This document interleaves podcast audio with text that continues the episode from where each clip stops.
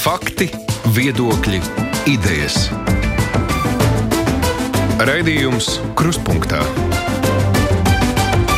ar izpratni par būtisko. Studijā Mārija Ansone. Valdība pieņem arvien stingrākus noteikumus, lai ierobežotu koronavīrusu izplatību. Tie tiek domāts arī, kā palīdzēt uzņēmējiem uzņēmumiem un to darbiniekiem laikā, kad uzņēmēja darbība ir stipri samazinājusies vai varbūt pat pavisam apstājusies. Bet kā šajā krīzes situācijā var iesaistīties pašvaldības, kādas ir to tiesības, iespējas un pienākumi? Par to mēs runāsim tūlīt. Diskusijā šodien piedalās Latvijas pašvaldības savienības vadītājs Gins Kamīnskis. Labdien! Labdien!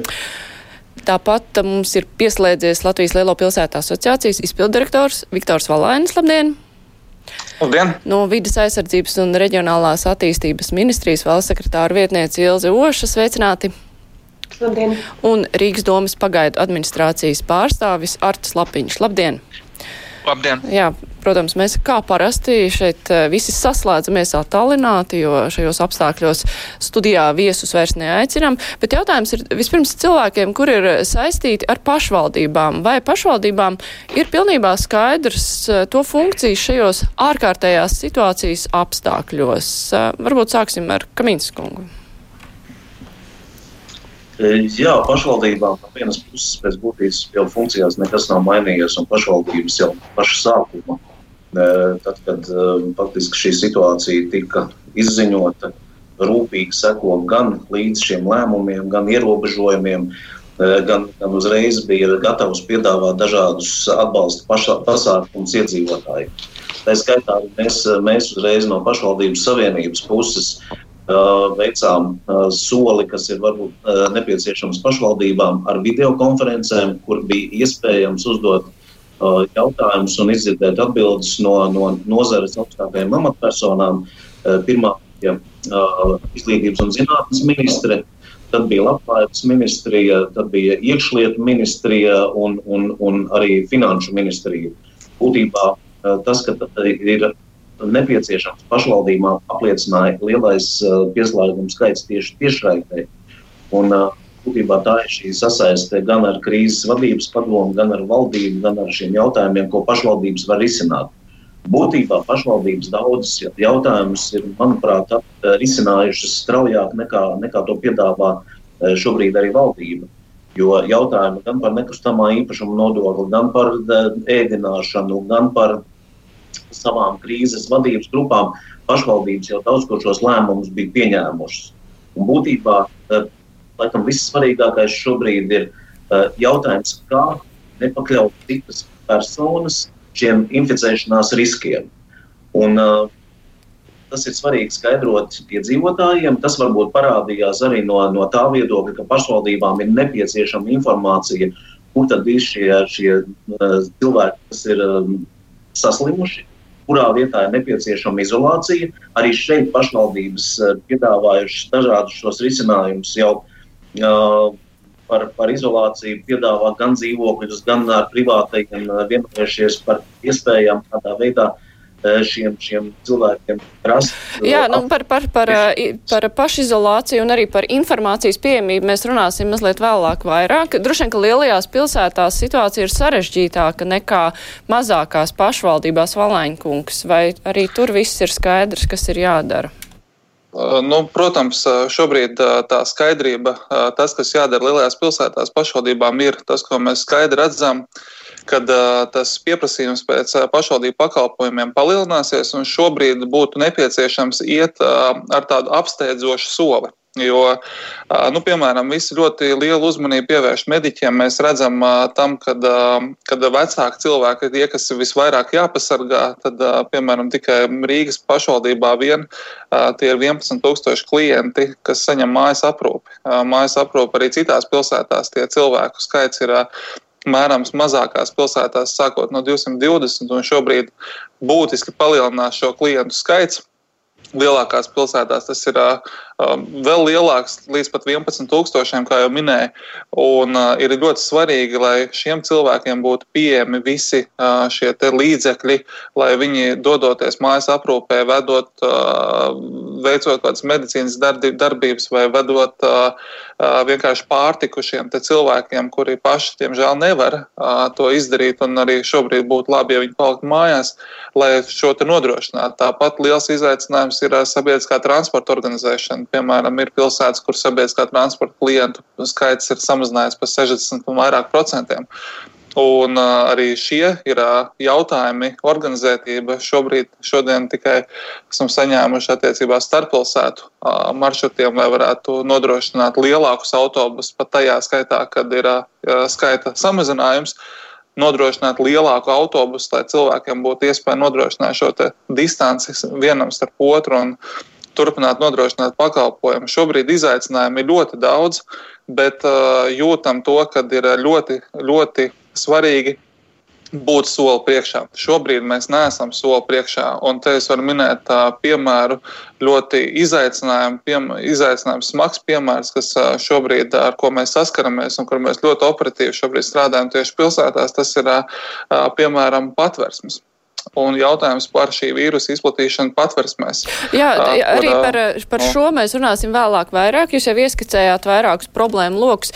Man ir jautājums arī Rīgas pašvaldības pagaidu administrācijas pārstāvim. Šodien parādījās lēmums par to, ka Rīgas domas izpildu direktors ir atsādināts no amata saistībā ar bezatbildīgu rīcību šajos apstākļos, un tas te ir runa par šo sabiedrisko transportu.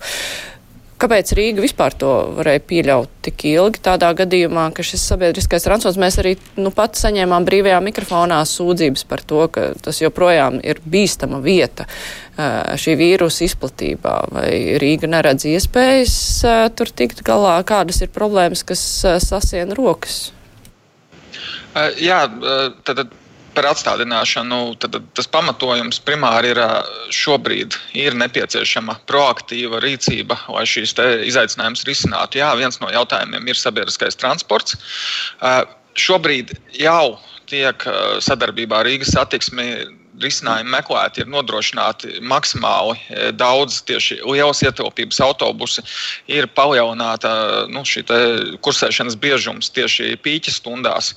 Vienlaikus e, šeit arī ir otra puse, kas ir tieši Rīgas izaicinājums, e, kurā Rīga tomēr veido lielāko da lielu daļu Latvijas ekonomikas, un mēs nevaram Rīgas teiksim, darbību apturēt.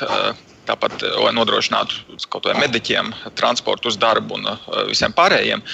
Eh, līdz ar to mums ir jāmazina no vienas puses jāmazina šo pārvadāto pasažieru skaits, lai varētu nodrošināt distancēšanos transportā un teiksim, mazināt risku, kad uh, sabiedriskā transportā potenciāli sāk izplatīties arī šis vīrus. Uh, no otras puses, uh, nu, pie tās plūsmas, kas ir Rīgā, pat ja mēs uh, palaistu visus pieejamos transporta līdzekļus, mēs uh, teiksim, šos te distancēšanās noteikumus ievērot ir grūti.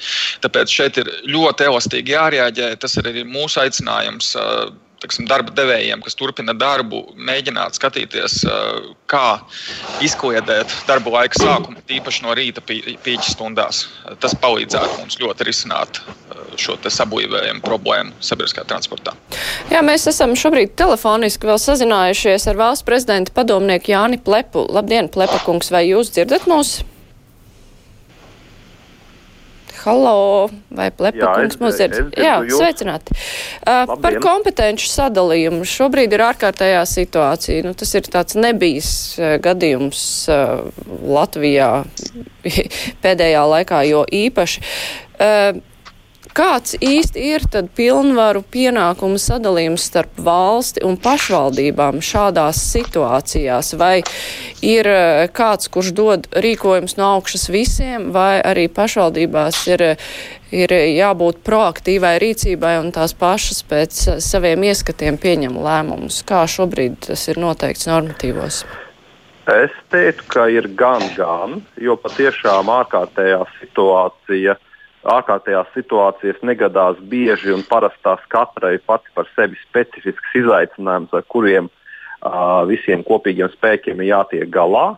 Un tādā ziņā, ja mēs skatāmies uz to, kas ir, kāda ir valsts un pašvaldību sadarbība vai pienākumi, tad šeit attiecībā uz pašvaldībām ir divas lietas. Pirmā lieta ir tas, ka izsludinot ārkārtējo situāciju, kļūst piemērojams likums par ārkārtējām situācijām un izņēma stāvokli, kas paredz, ka uh, ministru kabinets var noteikt specifiskus arī pašvaldību pienākumus ārkārtējās situācijas pārvarēšanai un uzlikt gan pienākumus, gan arī noteikt kaut kādus ierobežojumus. Tas jau arī šobrīd, ja mēs skatāmies uz ministra kabineta lēmumu, iezīmēs.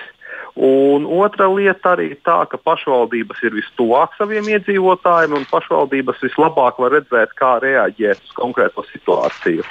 Un šajā ziņā būtiski ir tas, ka valsts augstākās amatpersonas 23. Eh, martā vienojās par kopīgu izpratni par tā saucamajiem pamatprincipiem, kādā veidā būtu organizējama valsts darbība ārkārtējā situācijā.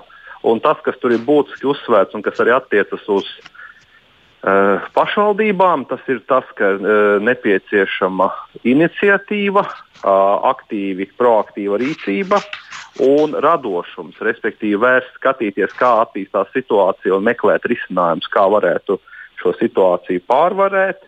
Un arī dzan, tas, kas ir būtiski uzsvērts šajos pamatprincipos, ir teiksim, tāda juridiskā formālisma un birokrātisma aizliegums. Respektīvi, jāskatās uz situāciju un jāmeklē risinājumi. Un tādā ziņā tas ir galvenais atslēgas vārds, protams, būtu sadarbība, labas, ciešas sadarbības ar pašvaldībām un valdību. Bet eh, cik tālu var būt pašvaldības radošas un uh, iniciatīvu bagāts, respektīvi, vai ir kaut kādi ierobežojumi, ja kāda pašvaldība, piemēram, izdomātu, nu, kā rīkoties ar cilvēkiem, kuriem ir karantīnu, es nezinu, viņu kontrolē kaut kādus tādus īpaši drastiskus pa, pasākums vai, nu, kaut ko tādu, kas nav vispār pieņemts, vai pašvaldība var būt tik radoša? Šajā ziņā jāievēro kopējie tiesiskā režīma nosacījumi, par kuriem lem ministru kabinets un kurus apstiprina saima. Un jebkurā gadījumā, e, nu, ja ir, teiksim, tā kā jūs minējāt, tādus diezgan ekstrēmus piemērus, tad visdrīzāk droši vien um, pirms kaut ko tādu darīt, vajadzētu saskaņot, saprast, vai to var darīt šajā tiesiskajā režīmā, jo uh, cilvēktiesības nav atceltas un ierobežojumiem joprojām, kas tiek noteikti atsevišķām personām, jābūt pamatrotiem un nepieciešamiem. Lielākoties tas, ko pašvaldības var darīt, ir šī te, um, sociālā palīdzība, atbalsts saviem iedzīvotājiem, saviem uzņēmumiem, kas darbojas uh, pašvaldības teritorijā. Un šajā jomā patiešām nu, pašvaldības droši vien varētu būt viens no nozīmīgākajiem uh, spēlētājiem vai aktoriem, kas teiksim, var uh, pievērst uzmanību un iesaistīties saulaicīgi un varbūt arī piedāvāt kādus risinājumus. Paldies, Jānis Pleps, valsts prezidenta padomnieks. Jautājums Ošas kundzei, vai vidas aizsardzības reģionālās attīstības ministrija ir, nu, ir kaut kāda koordinējoša loma, vai jūs sniedzat kaut kādas vadlīnijas pašvaldībām, nu kā tad rīkoties, kā ieviest visus šos te nepieciešamos piesardzības pasākumus dzīvēm?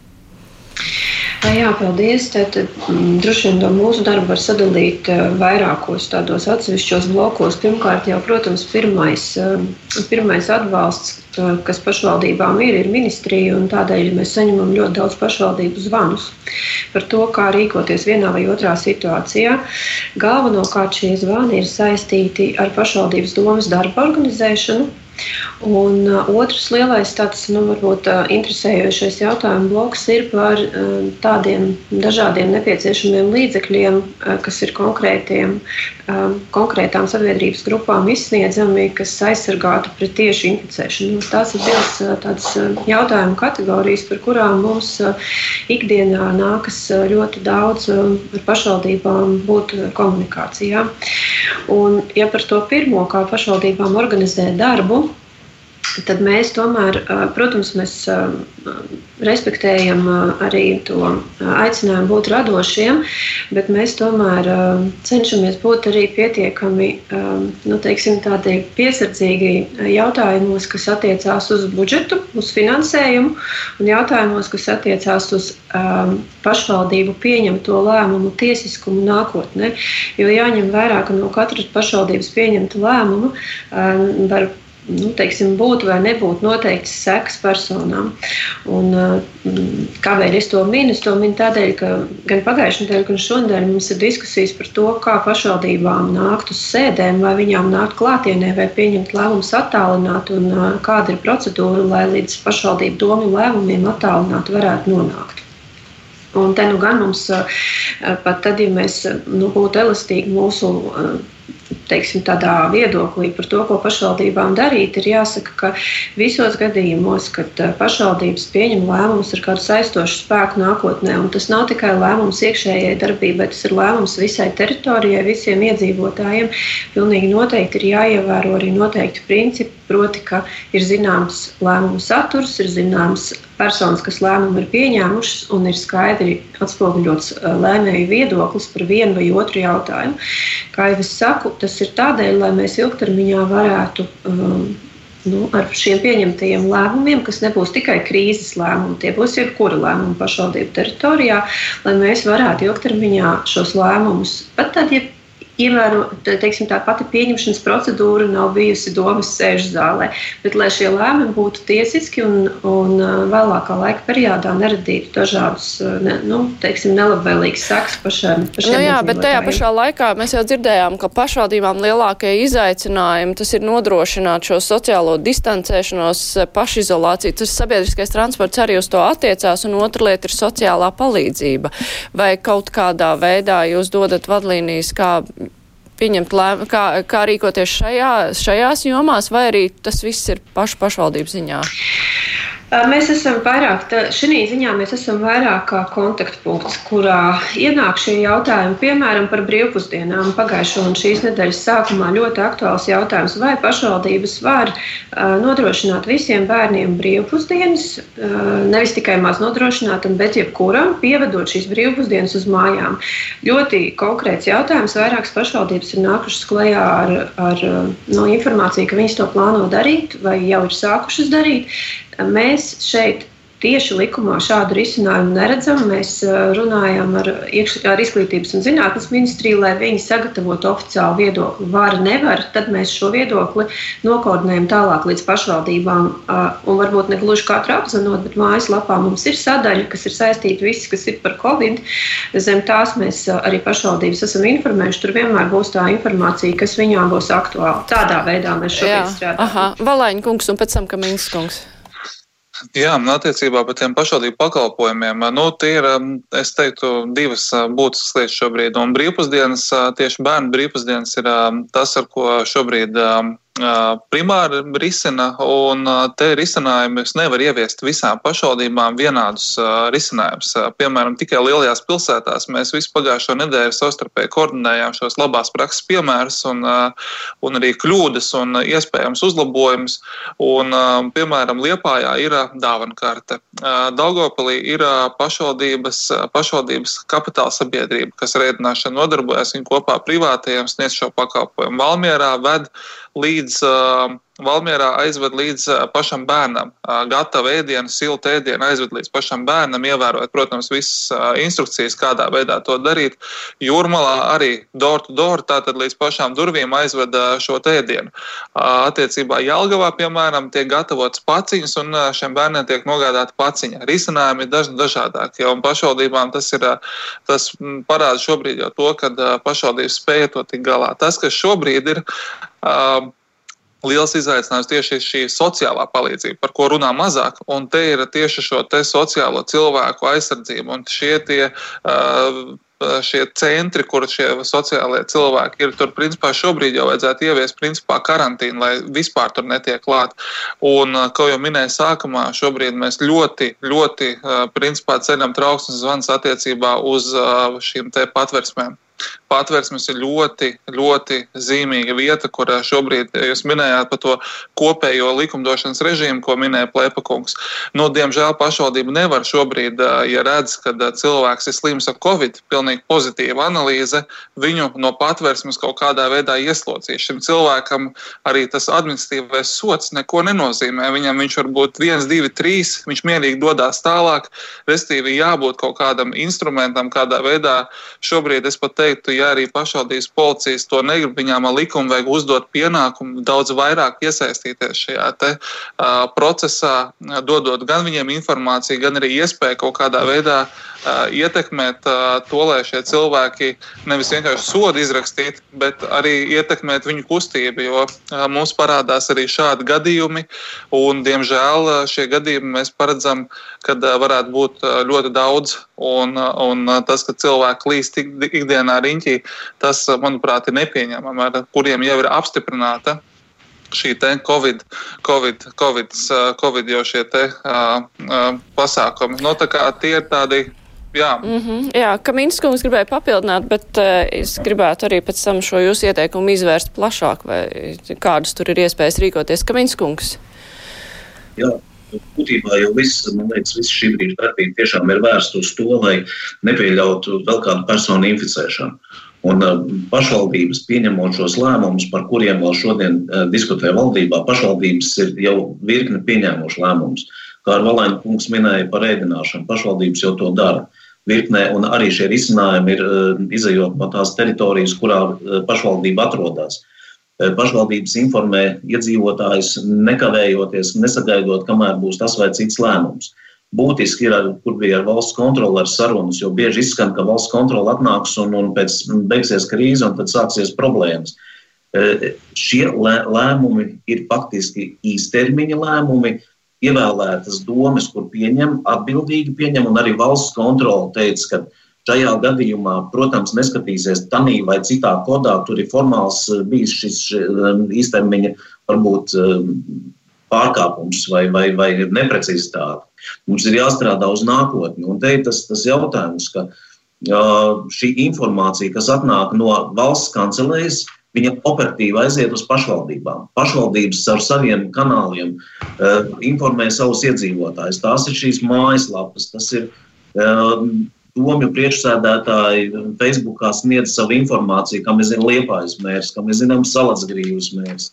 Un, un ši, šajā situācijā man liekas, ka ļoti, ļoti nopietni jādomā, uh, kā krīzes laikā skatīties jau uz pēckrīzes posmu. Un šeit būtu jādomā gan ekonomistiem, gan mūsu valdībai un arī parlamentu deputātiem, kā būvēsim nākotni. Jo būtībā Šobrīd uh, ekonomiskā situācija parāda gan vājās vietas, gan arī tas, kas valstī ir vajadzīgs nākotnē. Jā, jautājums ir uh, Lapiņa kungam. Uh, šeit tika pieminēti arī sociālās, um, šie te sociālai centri, sociālās aprūpas centri, kur dzīvo cilvēki, kuri ir riska grupās. Viena lieta ir par to, nu, kā viņi dzīvo, tas ir sociālais nodrošinājums, bet kā viņus pasargāt, jo Un runājot ne tikai par šiem pansionātiem, bet arī par cilvēkiem, kuri tiek aprūpēti mājās. Mēs visi zinām, ka aprūpētāji paši nav īpaši bagāti cilvēki, arī viņi brauc sabiedriskajā transportā. Vai ir pieņemti kaut kādi lēmumi, kas, at, kas nodrošinātu kaut kādu šo te mm, veco cilvēku aizsardzību, lai tur netiktu ievazāta infekcija šajās vai arī individuāli kādā mājasēmniecībā, kur ir aprūpējumie cilvēki?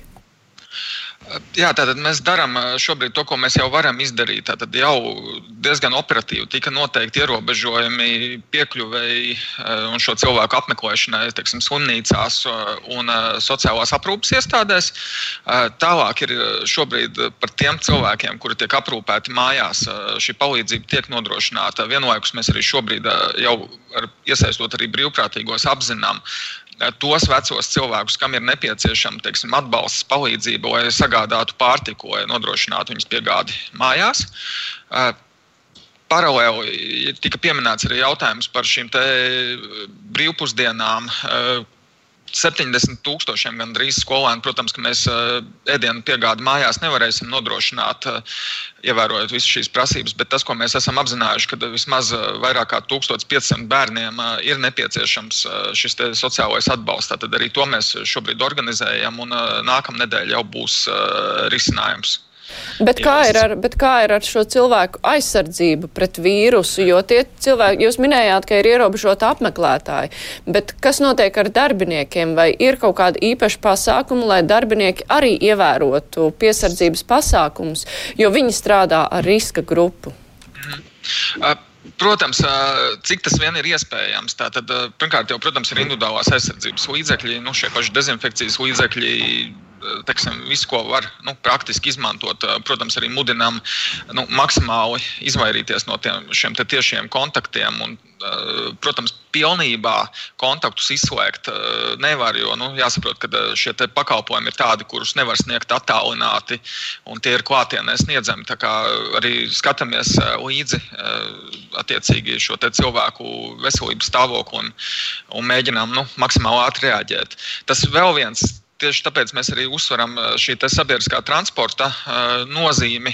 Tātad, pirmkārt, jau visu šo dezinfekcijas pasākumu nozīmi sabiedriskajā transportā. Jā, tas, par ko ir nu, pietiekoši uzmanīgi, ir jābūt tieši saistībā ar sabiedrisko transportu par bezpajumtniekiem. Nu, tā, diemžēl, ir riska grupa, kurā potenciāli var izplatīt nu, tālāk šo slimību. Un, nu, sabiedriskais transports ir, protams, šajā ziņā riska, riska vieta lieta, bet tad nu, darām to, ko varam. Izmantojot šos dezinfekcijas līdzekļus, mēģinot pasargāt maksimāli transporta līdzekļu vadītājus. Ja, un... Valēnkungs gribēja ko piebilst.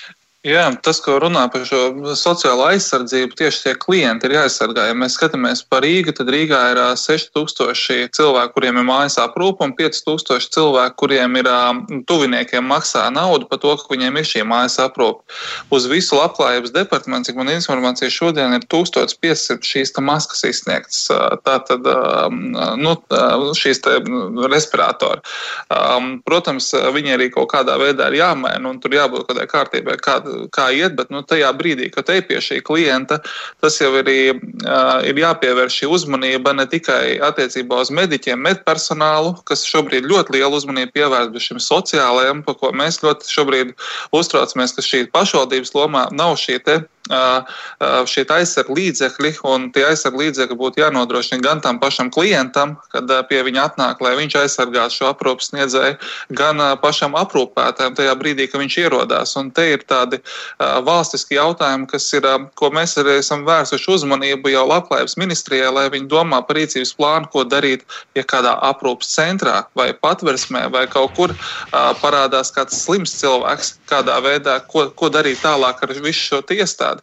Tāpēc eh, ļoti rūpīgi šobrīd būtu jāizvērtē vispār, eh, nu, kā jau sākotnēji minēju, iespējama karantīna šajās iestādēs. Ja ieviest jau tagad, negaidīt tos pirmos gadījumus, kad eh, kādā aprūpes centrā vai krīzes centrā parādās kāds slims cilvēks, kur ir, kur ir vesela kur ir desmitiem slimu cilvēku, kuriem nepieciešama ikdienas aprūpe. Un līdz tam, mēs, līdz tam nebūtu labi, ja mēs līdz tam nonāktu. Tāpēc ir īpaši jādomā, kā viņus pasargāt. Jā, Ošas kundze, vai valdības līmenī šis būtu jāierosina, lai varētu nu, pašvaldībām arī sniegt atbalstu, lai nodrošinātu kaut vai šo sociālās aprūpas centru aizsardzību, lai nodrošinātu arī nu, riska grupu aizsardzību, vai arī tas ir jāatstāja katras pašvaldības ziņā, lai nu, tie galā kā māca? Es domāju, ka pieejai attiecībā pret noteiktu veidu iestādēm ir jābūt vienotai.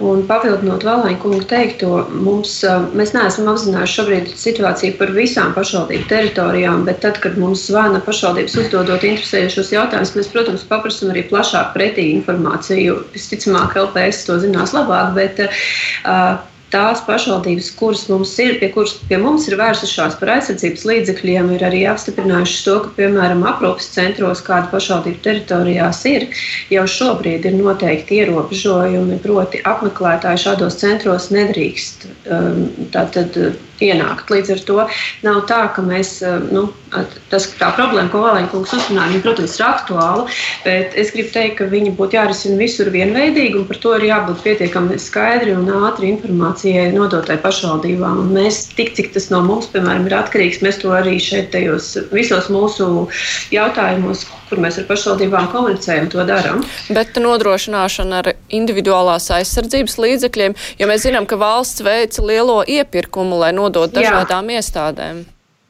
Te man atbildi, mm, droši vien precīzāk jums informāciju sniegs Valsts ugunsdrošības un glābšanas dienests. Mēs to visu informāciju, cik kurai pašvaldībai, kas ir vajadzīgs, esam apkopojuši un logdam atdevuši. Tas, cik vukts var izsniegt no tādiem, nu, teiksim, no pievesto preču krājumiem, mēs arī zinām, ka valstī viņas trūks. Tā ir jau publiska informācija, tāpēc arī bija liels pievedums no, no ārvalstīm par, par konkrētajām izdalēm. Es nevarēšu šobrīd atbildēt. Manuprāt, ka vispirms mums viss tas, kas ir vajadzīgs, aiziet medicīnas personālam, tieši slimnīcām un, un, un šīs palīdzības sniegšanai. Bet, lūgdam, šie visi, šie visi dati, cik kura pašvaldība ko ir prasījusi, ir pieejami. Tad mums ir vienošanās, ka tiklīdz ir iespēja, tad mēs šo, nu, šos, šos produktus arī patiešām pašvaldībām nopērkam. Kamīns kungs. Jā, kamēr arī tiek gaidīti šie, šie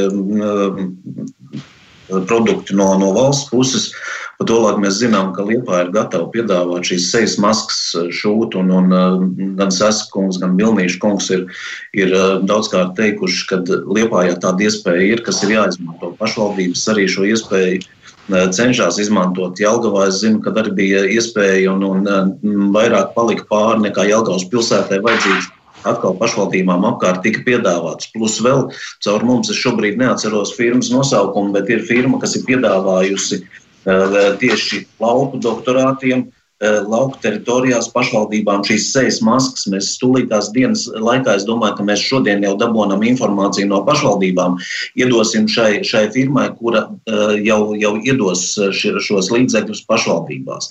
Mēs zinām, ka pašvaldība, piemēram, Saldu, Saldus medicīnas centrs ir palīdzējis arī doktorātiem. Doktorātiem atnāks palīdz viens ar otru. Šis process jau notiek. Un te ir atkal eh, nākotnē domājot, kad ir jābūt tam uzkrājumam, kā mēs zinām, ka kādreiz bija šī civilai aizsardzībai eh, līdzekļi vai šie drošības līdzekļi tika nolikti, valsts turēja, un, un šāda problēma nerastos. Tas ir skats jau nākotnē, kas noteikti ir jāatrisina, bet šobrīd no šīs situācijas jāizmanto. Jā, es gribētu atgādināt klausītājiem un Latvijas televīzijas skatītājiem, ka šodien mūsu diskusijā piedalās Ilza Oša no vidas aizsardzības un reģionālās attīstības ministrijas Artis Lapiņš no Rīgas domas pagaida administrācijas, Gins Kaminskis, Latvijas pašvaldības savienība, Viktors Valainis ir Lielo pilsētu asociācija. Raidījums Krustpunktā. Gribētu atgriezties pie jautājuma, ko Valaņkungs aizsāka. Runa ir par bezpajumtniekiem, un ne tikai bezpajumtniekiem droši vien, bet eh, nu, kas notiek gadījumos, ja tiek konstatēts, ka kāds cilvēks ir vīrus pozitīvs un nav reāls iespējas viņu piespiedu kārtā izolēt. Un tas varētu attiekties droši vien ne tikai uz bezpajumtniekiem, kuriem nav tās savas adreses, bet uh, arī uz citiem cilvēkiem, kur nav gatavi izolēties. Jautājums, vai šis nav jārisina kaut kādā nu, valstiskā līmenī, Ošas kundze, kā jums šķiet, jādomā, kā rīkoties šādos gadījumos, ja cilvēks atsakās ievērot uh, karantīnu attiecībā uz sevi, vai nav iespējas viņam to izdarīt? Uh, nu, ar uh, situācijām mēs jau skatāmies arī ārvalstīs. Neesam jau ne ar ko unikāli. Arī citās valstīs ir līdzīgas uh, situācijas, līdzīgas problēmas. Tātad ir cilvēki, kuri ļoti cītīgi ievēro tos ierobežojumus, kas ir noteikti, un ir cilvēki, kurus tos neievēro. Nu, um, tas, ka mēs varētu runāt par piespiedu līdzekļiem un kādas personas um, nogādāšanu un turēšanu kaut kur, tas droši vien būtu diezgan um, kritiski vērtējums priekšlikums. Uh, pamatā jau visur, arī ārvalstīs, ir ieviestas šīs sodu sistēmas par um, vienu vai otru pienākumu neievērošanu. Līdzīgi tas ir arī mums. Uh, ja savukārt mēs runājam par uh, par um, nu, tādiem cilvēkiem, kuriem nav pastāvīgas dzīves vietas, tad es domāju, ka tas gan būtu jautājums, ko Visticamāk, mums būtu ar pašvaldībām jāizrunā, vai ir kāda uh, nu, teritorija, kāda vieta, ko pašvaldības var piedāvāt savus, uh, savu fondu ietveros, kurās, kurā tad uh, nu, šie cilvēki tiek izolēti un kur viņiem var atsevišķi tikt sniegt medicīniskā palīdzība, lai viņi izvesaļotos no, no konstatētās slimības. Valaiņkungs. Nu jā, um, es uh, vēlreiz runā, uh, runāšu konkrēti par uh, Latvijas galvaspilsētu Rīgu. Rīgā šādi klienti ir 600.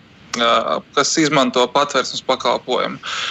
Protams, ja mēs runājam par likuma bardzību, šobrīd šie administratīvie sodi darbojās uz cilvēkiem, kas patiesībā grib ievērot šos noteikumus, un, un tie cilvēki, kas šobrīd tiek ķerti, tie ir tādi, kas arī saņem šo pirmo sodu un, un ievēro šos noteikumus arī tālāk. Var, varbūt pat pietiek ar vienkāršu, nu, runājot ar pašvaldības policiju vadībām, saprotu, tie cilvēki, kas arī nu, ar vienkārši izrunāšanos jau pietiek. Viņam viņš saprot to, ka viņam jāsēž mājās pēc audzinošas sarunas. Bet uh, gadījumā, ja tie ir piemēram šis centrāla tirgus, šie kontrabandas cigarešu pārdevēji, uh, viņiem bija sodi desmitiem tūkstoši. Viņus jau tas neaturēja no tā, ko viņi darīja savā ikdienā. Un uh, šeit ir tas pats gadījums, ka tam cilvēkam, ja viņam nekā nav, un viņam uzliek to 100, 200, 1000 vai 2000 eiro sodu, tas nemaina viņa ikdienas gaitas. Un šeit noteikti valstiskā līmenī jābūt kaut kādam regulējumam. Jo tas, kas notiek eh, šajās iestādēs, šobrīd eh, mūsu biedrus nu, ļoti satrauc. Jo uh, pat tad, ja tu konstatē, ka tu skaidri zini, ka tam cilvēkam ir šis te, uh, gadījums, tev nav nekāda likumiska rāmja ierobežot viņa tālāko kustību ko viņš nekautrējoties dara. Un tas, manuprāt, ļoti skaidrs signāls tam, ka šeit jābūt straujai rīcībai šajā jautājumā. Un mēs no savas puses jau esam šos signālus devuši attiecībā krīzes vadības centram, nosūtot viņiem savus priekšlikumus, ko vajadzētu darīt šajā situācijā. Lapiņkungs, kāds jūsu redzējums uz Rīgas tas patiešām attiecas visvairāk?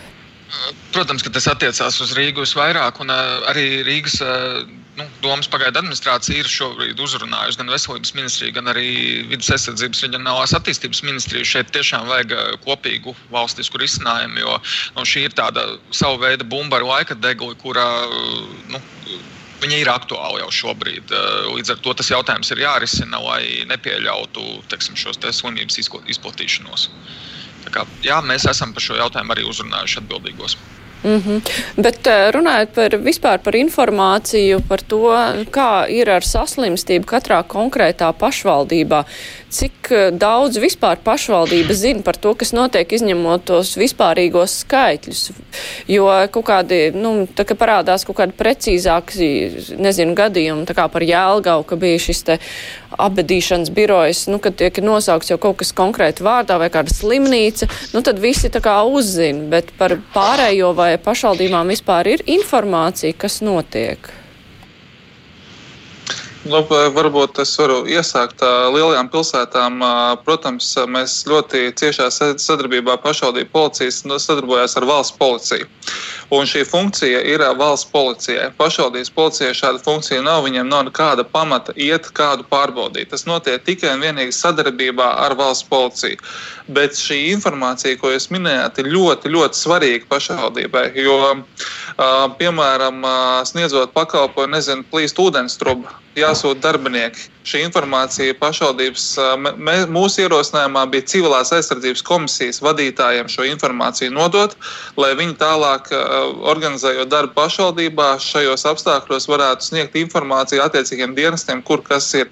Jālgaus piemērs bija piemērs, kas parādīja to, ka šis konkrētais iedzīvotājs viena no pirmajām vietām, ko viņš informēja, bija pašvaldība par to, ka viņam šāda problēma ir. Tā ir publiska vieta, bet citos gadījumos visās pilsētās pašvaldības vadībai, civilās aizsardzības komisijas vadībai nav šī informācija. Mēs jau pagājušo piekdienu vērsāmies pie valsts datu aizsardzības inspekcijas ar jautājumu, vai būtu iespēja nodot, bet uh, tur mums uh, atgriezās atpakaļ informācija, ka pēc būtības um, ir jādod arī funkcija. Tāpēc es saku, pašvaldības policijām šajā brīdī vajadzētu uzlikt arī ne tikai iespēju, bet arī funkciju konkrēti iet veikt šīs pārbaudas, lai kaut kādā veidā šī kontrole notiktos. Jo kaut vai Rīgā tie vairāk kā tūkstoši pašvaldības policijas darbinieki, citās pilsētās tie ir no dažiem desmitiem līdz simtiem policijas darbinieku, kurus var iesaistīt. Daugavpils pašvaldība arī šobrīd uztraucās. Daudz cilvēku no Rīgas brauc uz Daugavpilī pārdzīvot šo procesu. Tāpat laikā Daugavpils pilsētas vadībai nav informācija, kur šie cilvēki iespējams slimie atrodas. Tā kā informācija šobrīd nav pilnīga, un uh, to var nodot caur uh, funkcijas uzlikšanu, funkcijas, konkrētas funkcijas uzlikšanu pašvaldībām, jaunas funkcijas šajā krīzes laikā. Un tas, manuprāt, būtu arī jādara, lai pēc iespējas vairāk resursi būtu. Jā, Kamīns kungs, jums ir kas piebilstams? Jā, mēs zinām, ka kādreiz pirmās kartes, kas parādījās, tās bija šo reģionu līmeņa kartes. Mēs redzējām, ka reģions ir nu, jau iekrāsojies, kur ir šī inficējusies persona. Tad pēc šīs sarunas ar iekšlietu ministriju nedaudz pavirzījās uz priekšu. Mēs redzam jau novadu teritorijas, novadu pilsētu teritorijas, kur ir šie inficētie cilvēki. Un šobrīd arī vēl vakar, vakar nu, vēlā pēcpusdienā, jau pat vakarā, kārtējā saruna ar, ar datu aizsardzības centru par šiem datiem, kas ir nepieciešama un vajadzīga pašvaldību vadītājiem, policijai, medicīnas personālam. Lai, lai saprastu, kur ir šie cilvēki. Jo, jo tas, tas ir ikdienas darbs, un atkal nu, tas ir tikai nevis tāpēc, ka tā ir interese, tā ir šī brīža aktualitāte, un mums ir nepieciešams pasargāt gan līdzcilvēkus, gan tos, kas iet pie viņiem un sniedz šos pakalpojumus. Un par uh, sociālās aprūpas centriem, jā, šeit gan ir informācija, kad, kad šie centri ir šobrīd nodrošināti. Un vēl uh, svētdien no rīta atnāca uh, informācija no Igaunijas, kur Sārēm salā sociālās aprūpas centrā šīs problēmas. Nekavējoties arī mēs devām tālāk informāciju pašvaldību sociālās aprūpas centriem, lai uh, zinātu, lai vienkārši būtu gatavi veikt papildus pasākumus, lai ievērotu to, kas šobrīd ir stingri noteikts valstī. Jā, mums vēl ir pēdējās desmit minūtes palikušas sarunai un e, gribētu runāt arī par e, sociālās palīdzības sniegšanu. Mēs jau runājam par to, ka ir pašvaldības, kuras ir atradušas iespējas lemt par brīvpusdienām bērniem, kuri tagad neiet skolā.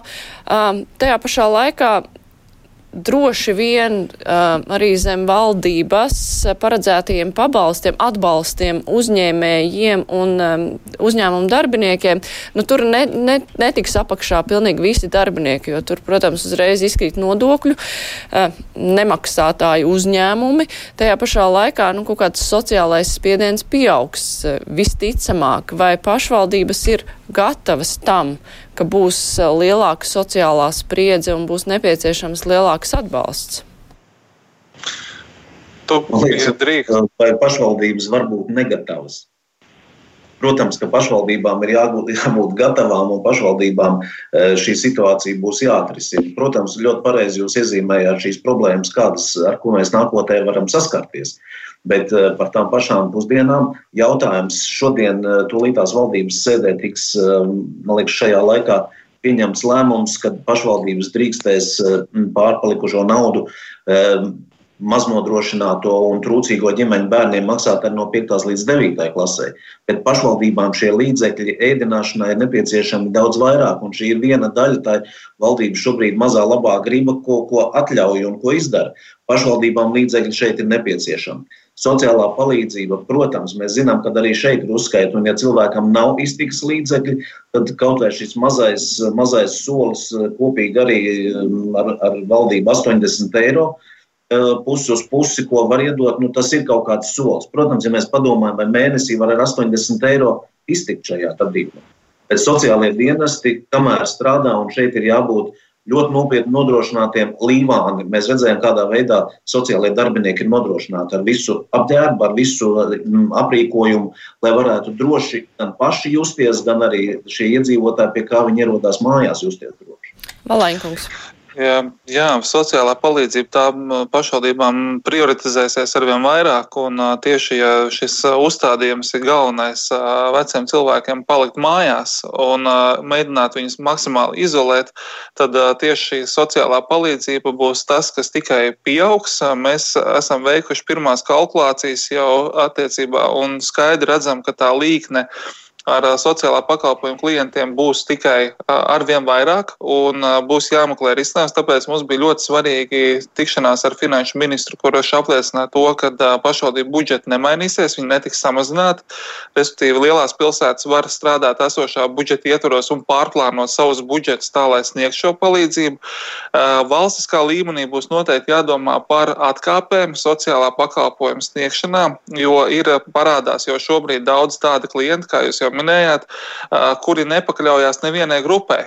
Viņš nav ne, viņš varbūt viņam ir īpašums, viņam ir dažādi, viņš nepakļaujās maznodrošinātājiem, bet ir skaidri redzams, ka viņam ir nepieciešama šī palīdzība. Tā kā, nu, tie, tie gadījumi, kas nāks, nāks tikai klāt, un arī attiecībā par pašvaldības uzņēmumu dīkstāvu, arī tur mēs ļoti ceram, ka valdība pieņem šos vajadzīgos lēmumus, lai pašvaldības, pašvaldības varētu sniegt arī saviem uzņēmumiem, pašvaldībās esošiem uzņēmumiem dīkstāvus pabalstus. Nu, te es runāju par, nu, piemēram, kultūras nams, kurš šobrīd ir slēgts. Nu, tur arī ir darbinieki, kurus nebūtu pareizi laist šobrīd uz bezdarbiniekiem, bet viņiem arī varētu maksāt šo dīkstāvus pabalstu katrā pašvaldībā. Tā kā šeit šie jautājumi ir pacēlušies. Un mūsu visu galvenais izaicinājums būs, kā piespiest palikt mājās senioriem. Jo man arī šodien runāja ar vairākiem pašvaldību vadītājiem, pilsētu vadītājiem, kur norādīja to, ka seniori tomēr spītīgi brauc uz veikalu, jo no rīta ir svaiga zivs iespējams. No nopirkt. Un uh, tu grūti viņiem izstāstīt to, ka uh, rekur ir numuri, rekur ir, uh, te ir arī viss sabiedrības iesaista vajadzīga, lai popularizētu šos te telefonu numurus, kur zvanīt, kurā pilsētā ir sarkanie krusti samārieši, dažādas organizācijas, kuri var sniegt šo te ar pašvaldību atbalstu arī sniedz šo palīdzību, tikai cilvēkiem viņu vairāk vajag izmantot īpaši šajā veidā. Es personīgi. Nu, katrā ziņā ir svarīgi, jā, lai informācija līdz šiem senioriem nonāk. Bet tomēr runājot par sociālo spriedzi, nu, visticamāk, šīs ekonomiskās problēmas nu, netiks atrisinātas mēneša divu laikā, un tur nepietiks ar kaut kādu, es nezinu, īslaicīgu palīdzību, tur piegādājot pārtiku. Rīga, piemēram, ir nolēmusi atlikt vienu nekustamā īpašuma nodokļu maksājumu, bet tas ir tikai atlikt. Tas nozīmē, ka cilvēki tagad nesamaksās un pēc tam viņiem sakrāsies tā nauda jau lielāka. Vai, ja šī krīze izrādās, nu, tālējošākā, ja cilvēku maksāt spēja samazinās, vai pilsētas var domāt par to, ka nu, Rīgā droši vien tas nodoklis ir visaktuālākais, ka, vai kaut kāda nodokļa atlaidi kādām mm, iedzīvotāju grupām, vai par to var domāt, vai Rīga pieļauj, ka notiks kaut kāda tāda atbrīvojuma. Tāpat ir piemēri, ka citās valstīs cilvēki tiek atbrīvot no kaut kādiem komunāliem maksājumiem, vai nu, šādā veidā pašvaldības arī domā. Vispirms ir jautājums Rīgai. Protams, ka pašvaldības domā, un tas, kas ir šobrīd jāapzinās, ka šie pirmie risinājumi visdrīzāk arī nav uz visu krīzes laiku. Tas ir, ir nu, risinājums tagad, tūlīt šajā pirmajā mirklī. Bet tas, ka mēs jau paralēli arī Rīgā skatāmies, teiksim, par nu, kas notiks mēnesi pēc priekšā, kādus, ko var plānot šobrīd. Protams, jūs pieminējāt šo nekustamā īpašuma nodokļu samaksas termiņa pārcelšanu. Protams, ka viņš pats par sevi jau neatrisinās problēmu. Ja, visdrīzāk būs jāskatās, ko darīt tālāk. Tā kā, nu, jebkurš no risinājumiem, kas var atbalstīt cilvēkus, nav izslēgts. Un, nu, līdz ar to mēs pie tā arī strādājam. Mm -hmm, vai ministrs? Jā, jautājums es ministrijai, vai ir kaut kādi centralizēti, varbūt skatījums arī uz šo te tālējošo sociālo problēmu risināšanu? Uh, nu, droši vien es nebūšu vienīgā, kas šodien varētu par šo jautājumu komunicēt. Es varam uh, kompetenci joma ir nedaudz šaurāka, bet es tomēr gribu nu, to kopējo varbūt skatu iedot nedaudz uh, netik traģisku. Uh, skaidrs, ka mēs runājam par krīzi un par situācijas pasliktināšanos, un neviens šodien nevar pateikt, cik mums būs saslimušo pēc nedēļas, un vai pēc mēneša varbūt mēs iesim jau pamazām uh, nu, šajos skaitļos uz, uz, saka, uz samazinājumu. Tik cik pēkšņi šī slimība ir sākusies, mēs redzam arī, ka ir tāpat Ķīna, kur viņi viņi jau iet uh, mazumā. Bet uh, tas, kas nav atcelts, nav atcelts strādājošiem, un diemžēl mēs zinām arī, ka tādi ir, kas ir pazaudējuši darbu, kam jau šobrīd ir uzteikti darba, darbs, darbs, darba vietas. Tad mēs neesam atcēluši nevienu bezdarbnieku pabalstu šobrīd. Tas nozīmē, ka kādā pusgada termiņā mēs runājam par, par noteiktu nodrošinājumu, kas personai būs arī tad, ja viņi ir zaudējuši darbu. Uh, protams, ka ir jārisina ilgtermiņā tas jautājums, un te ir vajadzīga tā valdības kopējā rīcība, lai mēs šo ilgtermiņa jautājumu risinātu. Bet tāds tuvākais mēnešus, divi, mēs nevarētu teikt, ka nu, tas, par ko ļoti sācināti runājam, ka cilvēki paliek uh, vispār bez iztikas līdzekļiem tikai ar 80 eiro. Jā, ja tie ir bijusi nu, aploksņa algas, tad tā ir problēma. Tad visticamāk mēs runāsim par kaut kādu mazāku iztikas minimumu, bet uh, tās lietas, kas saistās ar uh, pabalstiem darba zaudēšanas gadījumā, tas mums ir viss spēkā šobrīd. Jā, mums ir palikušas pēdējās trīs minūtes. Mums vajadzētu kaut kā noslēgt diskusiju ar to, nu, kas ir tas svarīgākais, ko tagad nedrīkst nepateikt, nedrīkst uh, palaist garām, par ko ir jālēma, Kaminskungs. Jā, nu, pirmā laikam ziņa ir, ka eh, rītdien ir nākošā videokonference attiecībā uz satiksmes jomu. Būs eh, satiksmes ministrs un no, no pašvaldības savienības šī videokonference būs visām pašvaldībām pieejama. Šodien jautājums bija kopā ar Labklājības ministriju. Mēs runājām par pārtiks, par pārtiks nodrošināšanu jau nākotnē. Tas ir tas, bet uh, jautājums, kas, kas mums var sekot. Būtībā tie visi, visi jautājumi, kas jārisina šodien, un man liekas, ka būtu svarīgi no, no valdības puses uh, bieži vien uh, netraucēt un atbalstīt arī pašvaldībām strādāt, jo, jo šeit tā tie risinājumi, un tad šos labākos risinājumus pieņemt arī dzīvē. Šie labākie risinājumi jau šodien ir infologā nopublicēti, ko atkal mums informācija aiziet tālāk, ko pašvaldības var izmantot, un svarīgi, lai, lai iedzīvotāji saņemtu šo palīdzību. Un tie nav tikai palīdzības veidā. Mēs zinām, ka muzikas skolas dod savus koncertus. Mēs zinām, ka eh, pašvaldības bibliotekās var grāmatas eh, saņemt. Mēs zinām, ka piegādā uz mājām dažādas arī blakus lietas. Jā, nu, bet īsi Valaņkungs un varbūt Tošs kundze var paspēt. Jā. Šo, šobrīd svarīgākais cilvēkiem ir palikt mājās un izmantot. Es aicinu izmantot visās pilsētās. Ir kontakttelefoni, piemēram, Jālgavā 8787. Piezvaniet, jums sniegs sociālo palīdzību, vajadzēs atvedīs pārtiku, atradīs risinājumu. Šobrīd pats galvenais ir palikt mājās, īpaši senioriem, un to vajag stāstīt citiem un uztver šo informāciju ļoti, ļoti nopietni.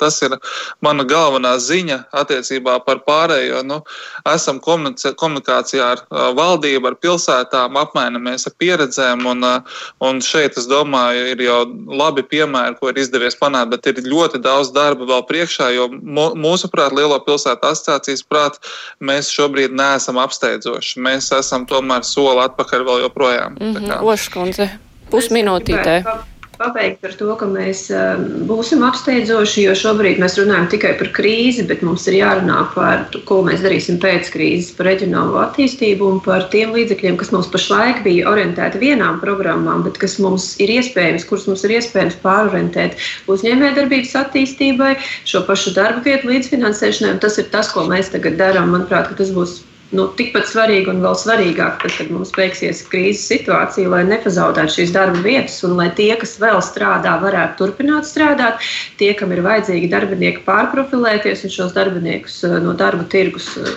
ieaicināt strādāt, lai mēs varam to situāciju nevis ilgtermiņā risināt ar sociālu atbalstu, bet ilgtermiņā risināt ar nodarbinātību.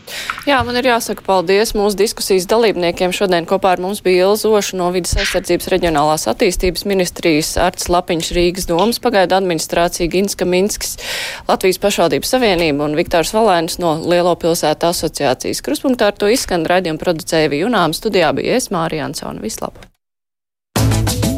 Fakti, viedokļi, idejas. Raidījums Kruspunkta ar izpratni par būtisko.